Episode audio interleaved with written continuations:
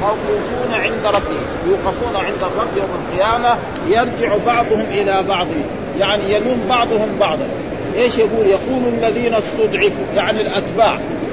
الأتباع الذين تبعوا الكبار والرؤساء والعظماء ها للذين استكبروا للسادة والرؤساء والأغنياء ها لولا أنتم لكنا مؤمنين. يعني أنتم أنتم السبب في في نحن لو كان تركتمونا لكنا آمنا بالرسل واتبعناهم. لكن أنتم قلتم أيها السادة وأيها الكبراء اتبعونا ونحن نؤيدكم وننصركم وأن ما يقول هؤلاء الأنبياء والرسل أن هناك الإنسان إذا مات يبعث ويحاسب أنه لا أصل. فيقول لولا أنتم هنا زي ما يقول لولا حرف امتناع بوجود وأنتم هذا مبتدا والخبر محذوف. تقديره موجودون وصددتمونا. الاثنين سواء. ها؟ يعني وجودهم وصدهم عن دين الله. مو بس وجودهم لحال. ها؟ لولا أنتم يعني وجودكم وصدنا تقولوا لا أن كلام الأنبياء هذا ليس صحيح. كلام الرسل ليس صحيح. أن الناس إذا ماتوا لا يبعثون. لولا أنتم. وقال الذين استكبروا. وقال الذين استكبروا. يعني السادة والكبراء والعظماء للذين استضعفوا. للأتباع. الناس الذين استضعفوا أتباع. أنحن صددناكم عن الهدى؟ نحن قلنا لكم لا تتبعوا الرسل. لا نحن قلنا لكم بس اتبعونا وجيتوا تجيبوا ورانا. ها بدون دليل وبدون أي شيء. نعم أنحن صددناكم عن الهدى بعد إذ جاءكم. هل صددناكم عن الهدى بعد إذ جاء يعني حين إذ جاءكم. ها بل كنتم بل أنتم أنتم السبب. ها أنتم ضللتم نفسكم. نحن ما قلنا لكم أي شيء ولأجل ذلك فالآن بعضهم يلوم بعضهم بعضا ولكن لا ينفع ها؟ لا تنفع الندامة في ذلك الوقت ابدا. بل كنتم مجرمين. بل كنتم أنتم إيه؟ أنتم أهل الإجرام. وقال الذين استضعفوا للذين وقال كذلك الذين استضعفوا. الاستضعفوا معناه كذلك هم الأتباع؟ نعم والضعفاء والأراذل والمساكين الذين الذين استكبروا. بل مكر الليل والنهار. يعني بل مكركم في الليل والنهار. أنتم دائما في الليل والنهار توسوسوا لنا و وتنهون عن اتباع الرسل وتقول أن هؤلاء الرسل كذابون وأنهم سحرة وأنهم مجا... بهم جنون إلى غير ذلك. فنحن يعني سمعنا كلام بل مكر الليل والنهار يعني مكر في الليل والنهار. ومعلوم أن الإضافة دائما في اللغة العربية تكون بمعنى بثلاثة معنى. إما تكون بمعنى الله أو بمعنى في أو بمعنى يعني من. هذه دائما. ها؟ لما نقول كتاب زيد معناه كتاب لزيد. لما نقول مثلا خاتم حديد يعني خاتم من حديد. ها؟ لما نقول مكر الليل يعني مكر في الليل. كذا ما الإضافة ما تخرج عن هذه المواضيع. ابدا. ها؟ مسجد الرسول يعني مسجد للرسول صلى الله عليه وسلم. الاضافه فهنا مكر الليل والنهار يعني مكر في الليل والنهار؟ يعني في الليل والنهار توسوسوا لنا وتقول أن الرسل هؤلاء كذابون وأنهم سحرة وأنهم مجانون؟ إلى غير ذلك فاتبعناكم. فالآن يعني وجدنا أن كل ما كنتم تقولونه ليس بصحيح بل مكر الليل والنهار إذ تأمروننا. يعني اذا أمرتنا أن نكفر بالله أن نجحد بإيه؟ بالألوهية ونكذب الرسل. ونجعل له أندادا ونجعل له أمثالا ونظراء. ها؟ أندادا يعني أمثالا ونظراء. يعني إيه؟ إيش مثل في إيه؟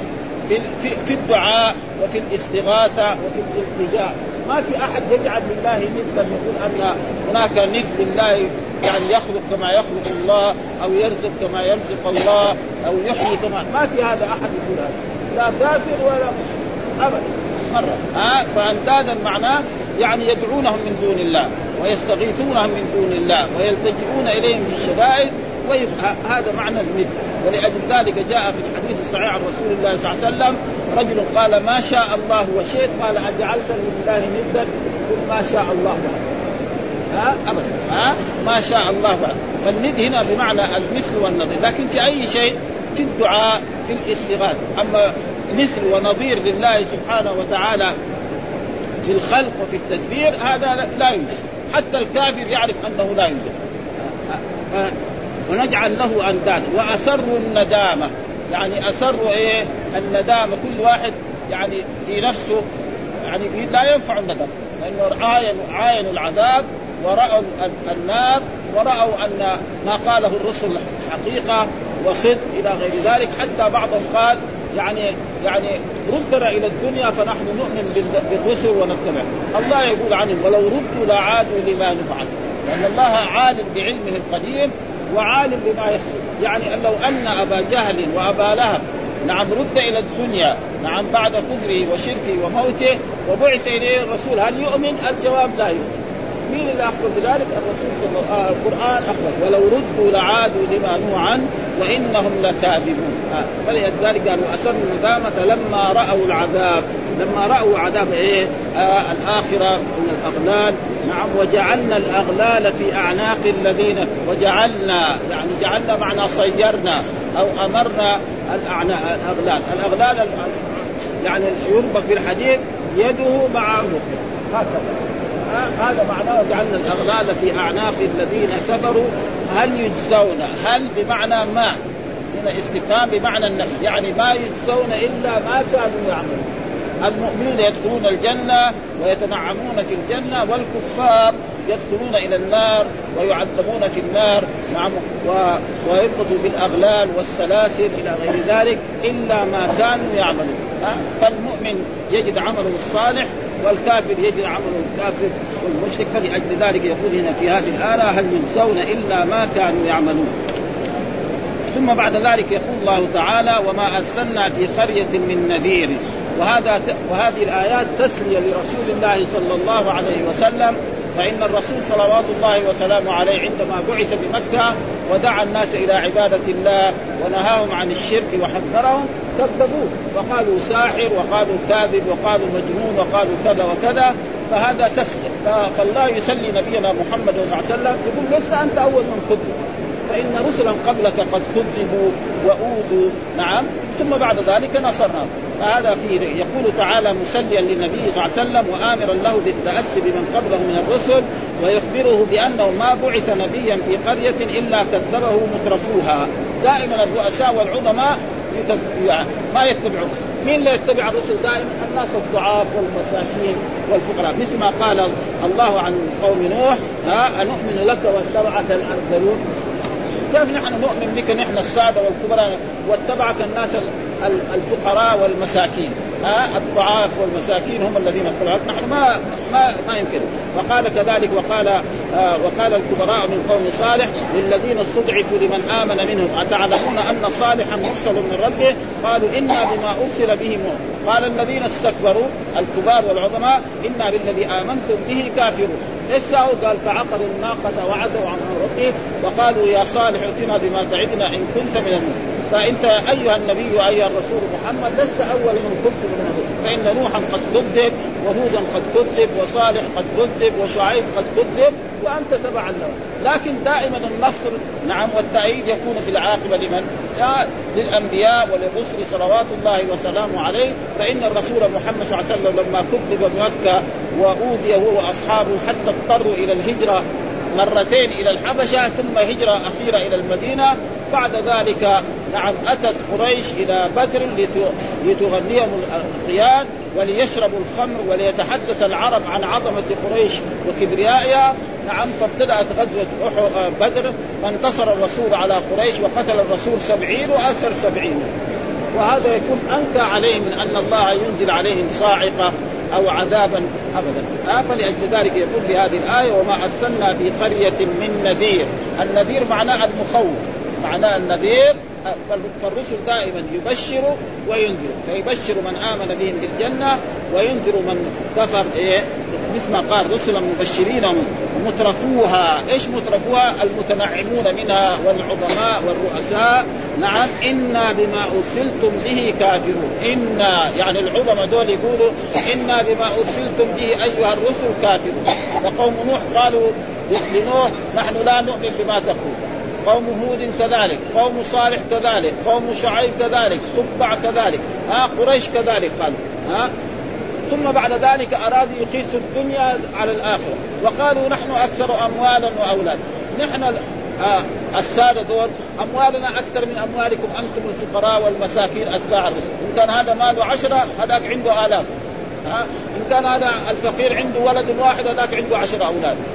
وعنده كذا مساكين. فقياس الدنيا على الآخرة يعني هذا غلط ابدا ها؟ وقالوا نحن أكثر اموالا واولادا نحن يعني الدليل على أن الله يحبنا أنا أعطانا أولاد أكثر من اولاده وأعطانا أموال وأنتم هي أتباع الرسل دول فقراء مساكين غلبانين. واحد منهم بقي ما يحصل إن حصل فطور ما يحصل غدا وإن حصل غدا ما يحصل عشاء. وأما هؤلاء فإنهم يطعمون من أحسن الطعام. ويشربون أحسن الشراب ويسكنون في أحسن المساكن وقاسوا الدنيا. والله لا. قال إن الله يعطي الدنيا من يحب ومن لا يحب. أما الآخرة والدين فلا يعطيه إلا لمن يحب. ها؟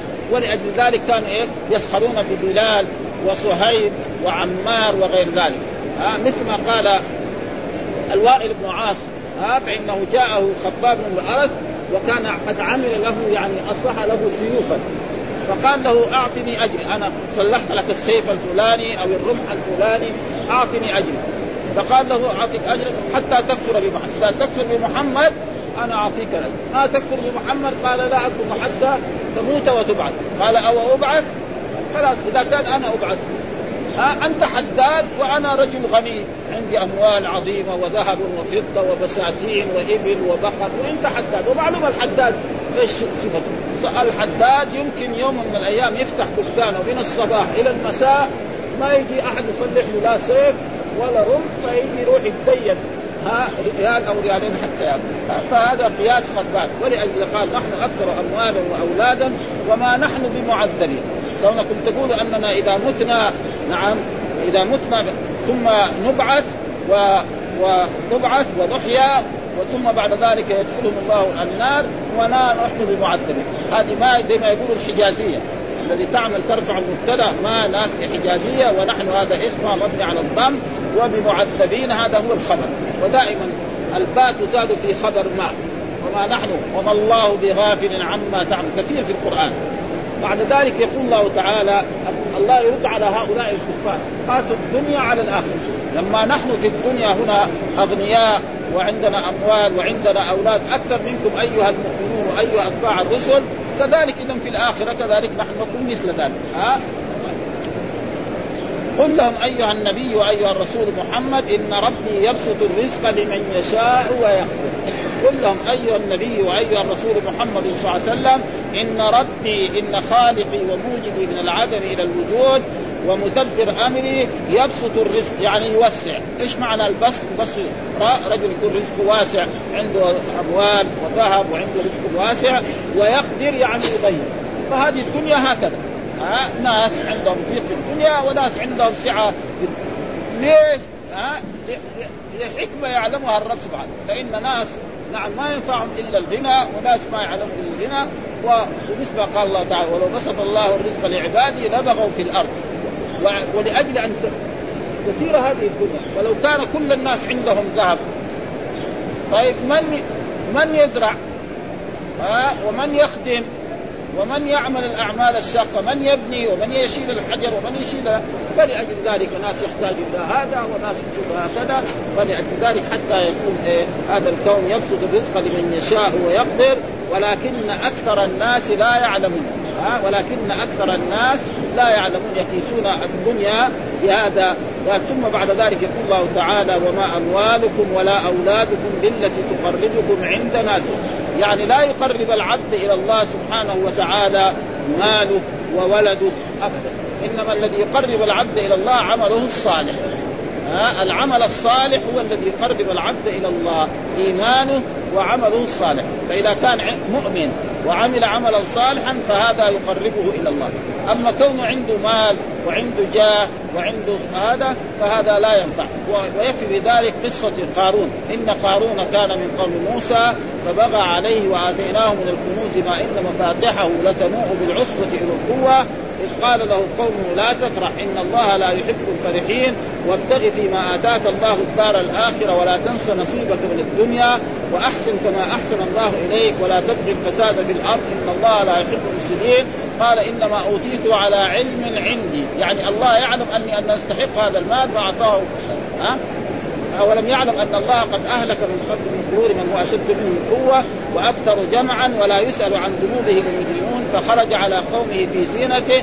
قال الذين يريدون الحياة الدنيا يا ليت لنا مثل ما أوتي قارون إنه لذو حظ عظيم. وقال الذين أوتوا العلم ويلكم ثواب الله خير لمن آمن وعمل صالحا ولا يلقاها إلا الصابرون. قال الله تعالى فخسفنا به وبداره الأرض فما كان له من فئة ينصرونه من دون الله وما كان من المنتصرين. وأصبح الذين تمنوا مكانه بالأمس يقولون ويك أن الله يبسط الرزق لمن يشاء ويقدر. لولا امن الله علينا لخسف بنا وكانه لا يفلح الكافرون.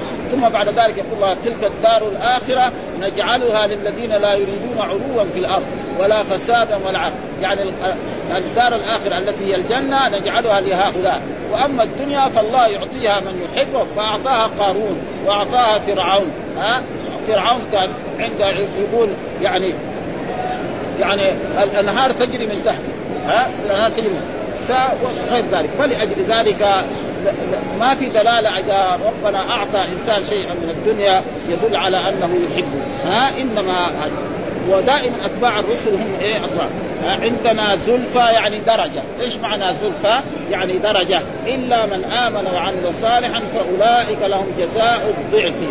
يعني الإنسان إذا ربنا أعطاه شيئا من الدنيا وكان ينفق في هذا المال في سبيل الله، نعم، أو ينفق في المباح.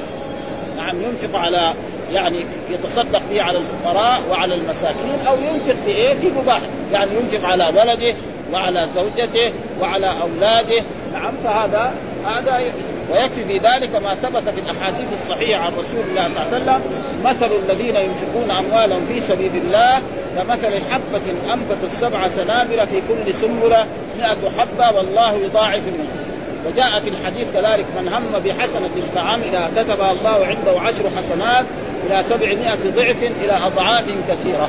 ها وقد يأتي إنسان يتصدق بصدقة فتقع في في الرحمن فيربيها كما يربي أحدكم فروه حتى تكون مثل جبل احد ها يعني ريال أو قرش ها بس الكلام على الإخلاص. ها فلأجل ذلك يقول ها فأولئك لهم جزاء الضعف. الحسنة بعشر أمثالها إلى سبعمائة ضعف إلى أضعاف. ها بما عملوا وهم في الغرفات. يعني في غرفات إيه؟ في منازل الجنة. ها في الغرفات يعني في منازل الجنة. وإن أي إنسان في الجنة يكون عنده يعني قدر الدنيا أضعاف مضاعف. ها آمين. ثم بعد ذلك يقول الله تعالى والذين يسعون في آياتنا معاجزين والذين يعني من هم؟ الذين هذا عائد على الكفار وعلى المشركين. يسعون في آياتنا معاجزين. يعني في تكذيب آية. يقول أن القرآن هذا سحر وأنه كهانة. وأنه أساطير الأولين وأنه يعني تعلمه الرسول من عبد حبشي كان يجلس إليه في مكة. هؤلاء في آياتنا معاجزين. يعني يظنون أنهم لا أن الله لا يقدر عليه فين يروح؟ الإنسان يعيش في هذه الدنيا مثلا 100 سنة أو ألف سنة. بعد ذلك يموت. إذا مات رجع إلى الرب سبحانه وتعالى. بخلاف الدنيا أما الدنيا فلو أن إنسان ارتكب كبيرة أو جريمة في دولة من الدول وفر إلى دولة أخرى. ما يقدر يجيبه مثلا في هذا العصر رجل يرتكب جريمة في الدول الشيوعية. فيروح في الدول الرأسمالية ما يقدر يجيبه ها؟ يروح إلى روسيا آه، من روسيا إلى إلى إلى أمريكا ما يقدر يجيبه وكذلك مثلا في بعض الدول بعض الدول الإسلامية اللي بينهم يعني اتفاق إذا رجل ارتكب جريمة مثلا في المملكة العربية وذهب إلى بعض البلدان اللي ما في علاقة بينه وبين المملكة العربية ما يقدر يجيبه ولكن كان يجيبوه ثاني مرة ويأخذ جزاءه أما واحد يقول يقول أن الأنبياء يعني كذابون وأنهم سحره وأنهم مجانين وأن القرآن أساطير الأولين إلى غير ذلك. بعد ذلك طيب يعيش ما عاش يموت.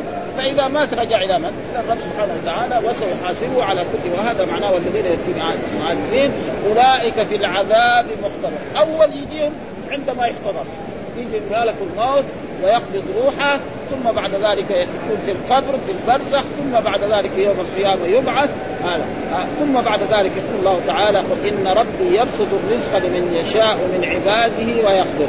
ربك كررها قل لهم أيها النبي وأيها الرسول إن ربي يعني إن خالقي وموجدي من العدم إلى الوجود يبسط الرزق لمن يشاء. يعني يوسع. إيش معنى يبسط؟ يوسع الرزق لمن يشاء من عباده ويقدر يعني يضيق. ها يعني؟ هذا يكون غني وسع واسع وهذا ضيق. واحد يمكن ما يجد شيء عنده. ها؟ وما أنفقتم من شيء فهو يخلف. يعني ما أنفق الإنسان من شيء سواء كان في صدقة أو في مباح. يعني الرجل ينفق على أولاده وعلى زوجته وعلى خدمه فهذا ربنا يفعل ويكفي بذلك ما ثبت في الأحاديث الصحيحة عن رسول الله صلى الله عليه وسلم. فإن سعد بن أبي وقاص مرض. وزاره الرسول صلى الله عليه وسلم نعم في يعني في مكة لما كان في حجة الوداع وقال يا رسول الله أنا عندي مال ولا يرثني إلا ابن. يعني أنا عندي مال كثير وما عندي إلا بنت واحدة. أفأتصدق بمالي؟ قال لا لا.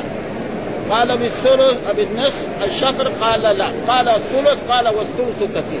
إنك إن تذر ورثتك أغبياء خير من أن تذرهم عالة يتكففون الناس. ها؟ قال وما تنفق من نفقة إلا تؤثر عليه حتى ما تجعل في في امرأته اللقمة التي يضعها الرجل في فم امرأته يؤجر عليها.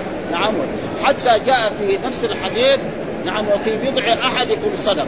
قالوا يا رسول الله أيأتي أحدنا شهوته ويكون له فيها؟ يعني رجل يعني يتصل بزوجته الجامعة. هذا شهوة. فمن يؤجر؟ قال نعم الرسول. قال لو وضع في حرام أكان عليه وزر فكذلك إذا وضع في الحلال كان له. فإذا كان الرجل يتصل بزوجته يريد أن الله يرزقه ولدا صالحا يعبد الله ويعف نفسه فيصير فيه وإذا كان لا عندما يحتاج إلى هذا الشيء يعمله فيكون يعمل مباح. فالمباح يكون إيه؟ يكون فيه أجر إذا كان حسن النية. ها؟ ولأجل ذلك يقول ما أنفقتم فهو يخلفه. يعني آه الحسنة بعشر أمثالها إلى سبعمائة ضعف إلى أضعاف وهو خير الرازقين. يعني أعظم الرازقين هو الرب سبحانه وتعالى فلأجل ذلك فالإنسان لازم يكون إيه يعني يعرف أن الرزق من الله ولذلك يقول الله تعالى فابتغوا عند الرزق. وليس معنى فابتغوا عند الرزق يعني يجلس الإنسان عاطل لا. ها؟ الإنسان يأخذ بالأسباب. ولأجل ذلك جاء في الحديث الصحيح لو توكلتم على الله حق توكله لرزقكم كما يرزق الطير تغدو خماصا وتروح بطانا يعني لو توكل الناس على الخلق على الرب سبحانه لا. فإن الطير نعم إذا طلع الفجر أو صار الإسفار خرج من وكره وذهبت البساتين ودار ورجع في آخر النهار نعم بطن ملآنة من الطعام. فالله ما تكفل الرزق للطائر إلا بخروجه من وكره فإن الطائر لو جلس في عشه ها يوم يومين يجد ميت. لابد من أخذ بالأسباب. ها؟ فالإنسان يأخذ بالأسباب. ها؟ فالبائع يأخذ بالبيع الشاري يأخذ الطالب يأخذ يجد ويجتهد في في دراسته كذلك العامل يعمل الموظف يجتهد في عمله وإلا يفسد ها؟ فلأجل ذلك في هذه الآيات نحن نقرأ شيء منها.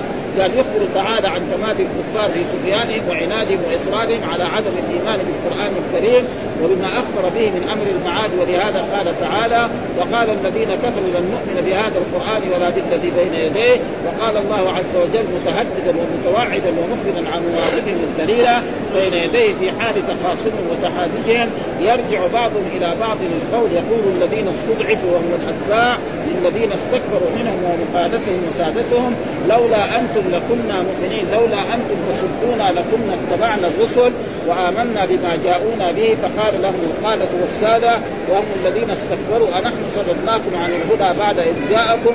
أي نحن ما فعلنا بكم أكثر من أن دعوتمونا فاتبعنا واتبعونا آه تكذبون فاتبعونا من غير دليل ولا برهان وخالفتم الأدلة والبراهين والحجج التي جاءت بها الرسل لشهوتكم واختياركم.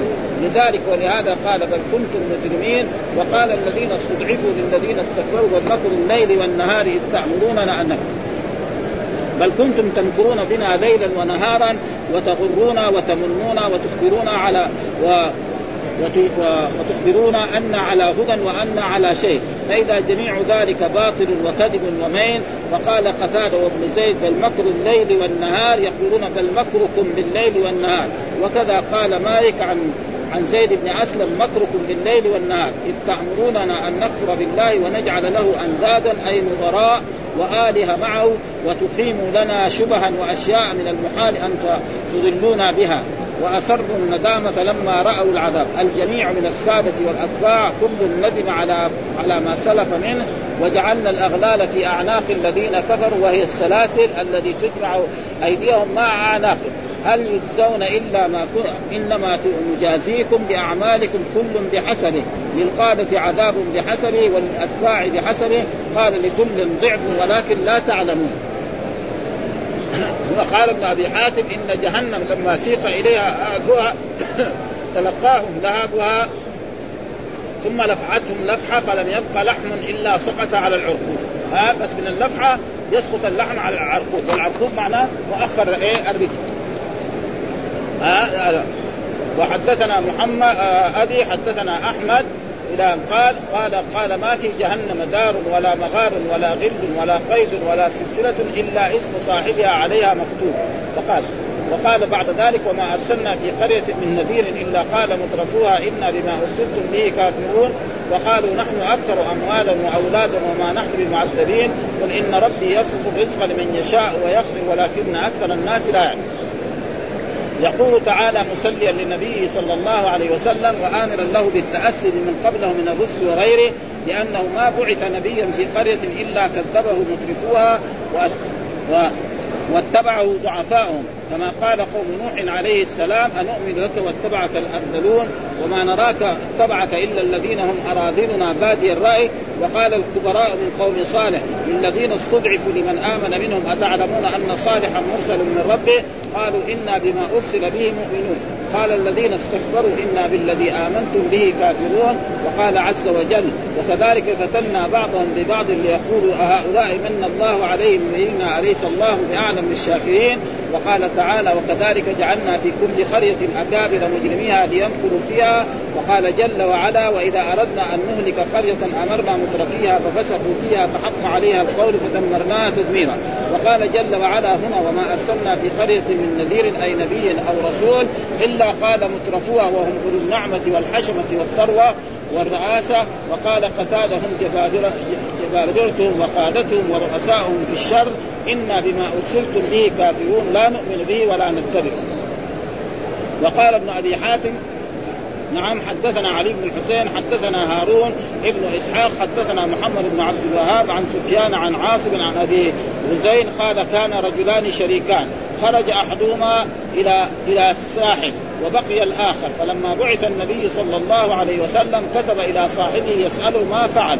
فكتب إليه أنه لم يتبعه أحد من قريش إنما اتبعه اراد يعني إلى الساحل يعني إلى جهة إيه؟ مكة هذه ها؟ ما اتبع الرسول إلا الناس الضعفاء والفقراء والمساكين. وبقي فلما إنما اتبعه اراذل الناس. وما قال قال فترك تجارته ثم أتى صاحب فقال دلني عليه. قال وكان يقرأ الكتب أو بعض الكتب قال فأتى النبي صلى الله عليه وسلم فقال إلى إلى ما تدعو؟ قال أدعو إلى كذا وكذا قال أشهد أنك رسول الله قال وما علمك بذلك؟ قال إنه لم يبعث نبي إلا اتبعوا أراذل الناس ومساكينهم قالت فنزلت هذه الآية وما أرسلنا في قرية من نذير إلا قال مترفوها إنا بما أرسلتم به كافر قال فأرسل إليه النبي صلى الله عليه وسلم عز وجل ارسل النبي إن الله عز وجل قد أنزل تصديق ما قلت. وهكذا قال هرقل لابي سفيان حين سألوا عن تلك المسائل قال فيها وسألتك أضعفاء الناس أتبعوا أم اشراكوا فزعمت بل ضعفاء وهم أتباع الرسل.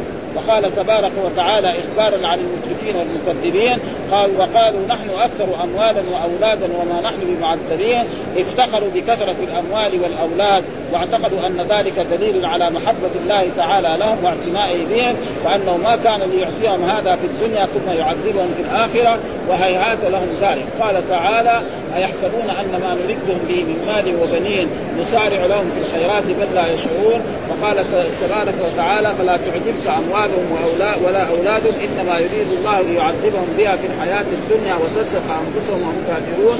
وقال عز وجل ذرني ومن خلقت وحيدا وجعلت له مالا ممدودا وبنين شهودا ومهدت له تمهيدا ثم يطمع أن أزيد كلا إنه كان بآياتنا عنيدا. سأرهقه وقد أخبر سبحانه وتعالى صاحب ذينك الجنتين. أنه كان ذو مال وثمر وولد ثم لم يغن عنه شيء بل سلب ذلك كله في الدنيا قبل الآخرة. قال هنا قل إن ربي يبسط الرزق لمن يشاء ويقدر يعطي المال لمن يحب ومن لا يحب ها فيفقر من يشاء ويغني من يشاء. وله الحكمة التامة البالغة والحجة القاطعة الدامغة ولكن أكثر الناس لا يعلمون. وقال هنا كذلك في هذه الآية والذين يسعون في آياتنا معاجزين يسعون في الصد عن سبيل الله واتباع رسله والتصديق بآياته فأولئك في العذاب محضرون جميعهم مجزيون بأعمالهم فيها وبحسنه. وقوله تعالى قل إن ربي يبسط الرزق لمن يشاء ويقدر بحسب ما له في ذلك من الحكمة يبسط على هذا من المال كثيرا ويضيق على هذا ويقدر على هذا رزقه وجدا وله في ذلك من الحكمة ما لا يدركها غيره. كما قال تعالى انظر كيف فضلنا بعضهم على بعض وللآخرة أكبر درجات وأكبر تفضيلا وقال هنا في آية أخرى نعم. وقد أفلح من أسلم ورزق كفافا وقنعه الله بما آتاه رواه وما أنفقتم من شيء فهو يخلفه أي مهما أنفقتم من شيء فيما أمركم به وأباحه لكم فهو يخلفه عليكم في الدنيا بالبدل وفي الآخرة بالجزاء والثواب كما ثبت في الصحيح الحديث يقول الله تعالى أنفق أنفق عليك. وفي الحديث إن ملكين يصبحان كل يوم يقول أحدهما أعط اللهم أعط ممسكا تلفا ويقول الآخر اللهم أعط منفقا خلفا. وقال رسول الله صلى الله عليه وسلم أنفق بلالا ولا تخش من ذي العرش اقلالا.